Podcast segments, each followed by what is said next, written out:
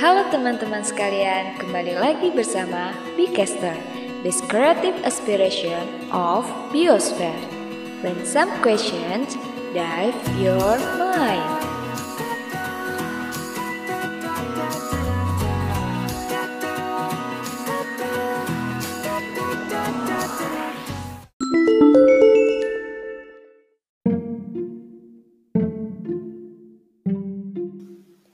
Salah satu mimpi bangsa Indonesia di masa depan adalah terwujudnya Indonesia Emas 2045. Untuk sampai ke sana, tentu melibatkan kolaborasi dan kontribusi dari berbagai macam sektor. Menurut Prof. Heri, apa ya tantangan terbesar dari dunia penelitian untuk mewujudkan cita-cita mulia tersebut? Jadi bagaimana nih Prof?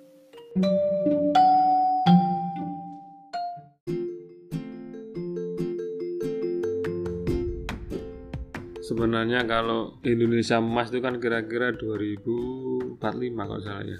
Ya saya sudah sangat sepuh artinya sebenarnya kendali itu ada di anda-anda ini gitu. Nah masalahnya sekarang bahwa generasi emas kita itu sekarang sedang dalam posisi seperti apa. Jadi bonus demografi yang dimaksudkan pemerintah itu kan pada saat itu manusia Indonesia yang terkategori umur produktif itu sangat melimpah kategori umur produktif. Nah, umur produktif kan belum tentu orangnya produktif. Nah, tantangannya adalah sekarang bekal itu kalau dalam sisi ini adalah penelitian. Saya pikir persiapan kita ke sana sudah banyak lah. Artinya lulusan kita yang sebagai peneliti atau berpengalaman peneliti itu kan adalah mahasiswa ya. Seperti Anda-anda ini yang saya pikir sudah digodok selama ini tinggal konsepnya nanti mereka bekal sebagai seorang penelitian dalam bidang apa pun itu sudah ada. Tinggal tantangannya nanti di depan itu apakah permasalahan-permasalahan yang kita alami sekarang itu sudah bisa diatasi dan diselesaikan. Coba bayangkan sekarang saja titik sekarang saja kita jangankan berbicara penelitian kan ribut masalah ibu kota itu dipindah dan sebagainya. Itu kalau dananya terserap ke sana semua saya yakin ya penelitian pasti akan dananya tidak banyak kita ngotot apa pun mau sampai ke bulan yang diteliti itu banyak buat roket buat ini. Ya itu enggak main-main dari sisi anggaran. Nah hal-hal seperti itu mungkin yang perlu kita juga siapkan mulai sekarang. Kalau sumber dayanya insya Allah dari sisi pendidikan pengajaran sampai termasuk mahasiswa itu sudah ada sejak sekarang. Nah masalahnya nanti kelebihan bonus demografi itu kalau kita berhitung gitu ya berapa sih jumlah mahasiswa se-Indonesia yang terdidik secara pendidikan di tingkat tinggi yang mengenal penelitian karena dia harus skripsi S2 maupun S3 tesis dan disertasi itu berapa banyak dibandingkan dengan umur produktif yang lainnya yang saat itu juga tidak berpendidikan. Nah, yang saya bayangkan bahwa pada saat itu tuh teman-teman yang umur 40 45 tahun tuh begitu banyak tetapi tidak semuanya punya kualitas pendidikan yang sama begitu.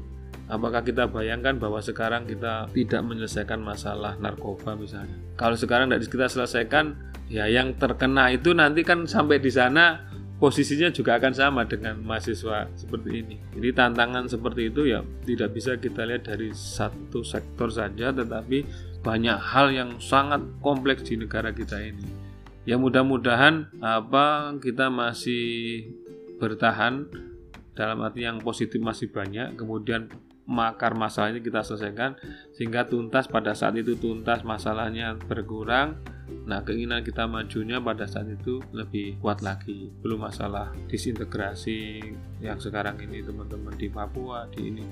Jadi itu cuma kadang-kadang kalau tidak dipikirkan nanti akan berimbas di masa yang akan datang. Nah tantangan penelitian saya pikir karena kita sudah masuk era 4.0 nah ketertinggalan itu yang kita harus ini. Karena kemajuan itu pasti berkaitan dengan teknologi.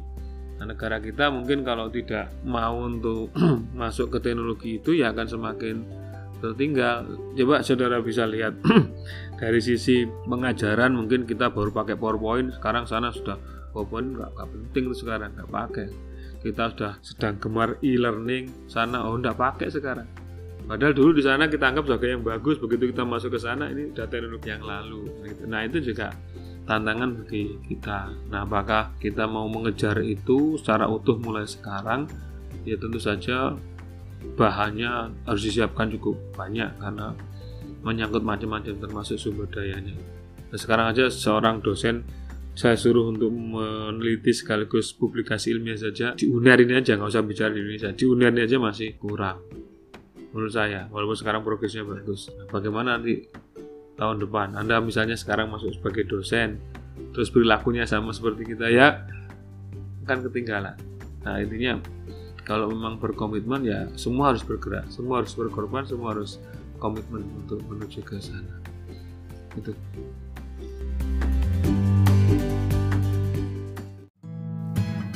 Untuk para Bicasters, jika kalian merasa ini bermanfaat, jangan bilang kamu akan diam saja. Ajak teman-teman kamu untuk download aplikasi Biosfer agar mereka juga tahu aspirasi yang disampaikan Bigis kali ini.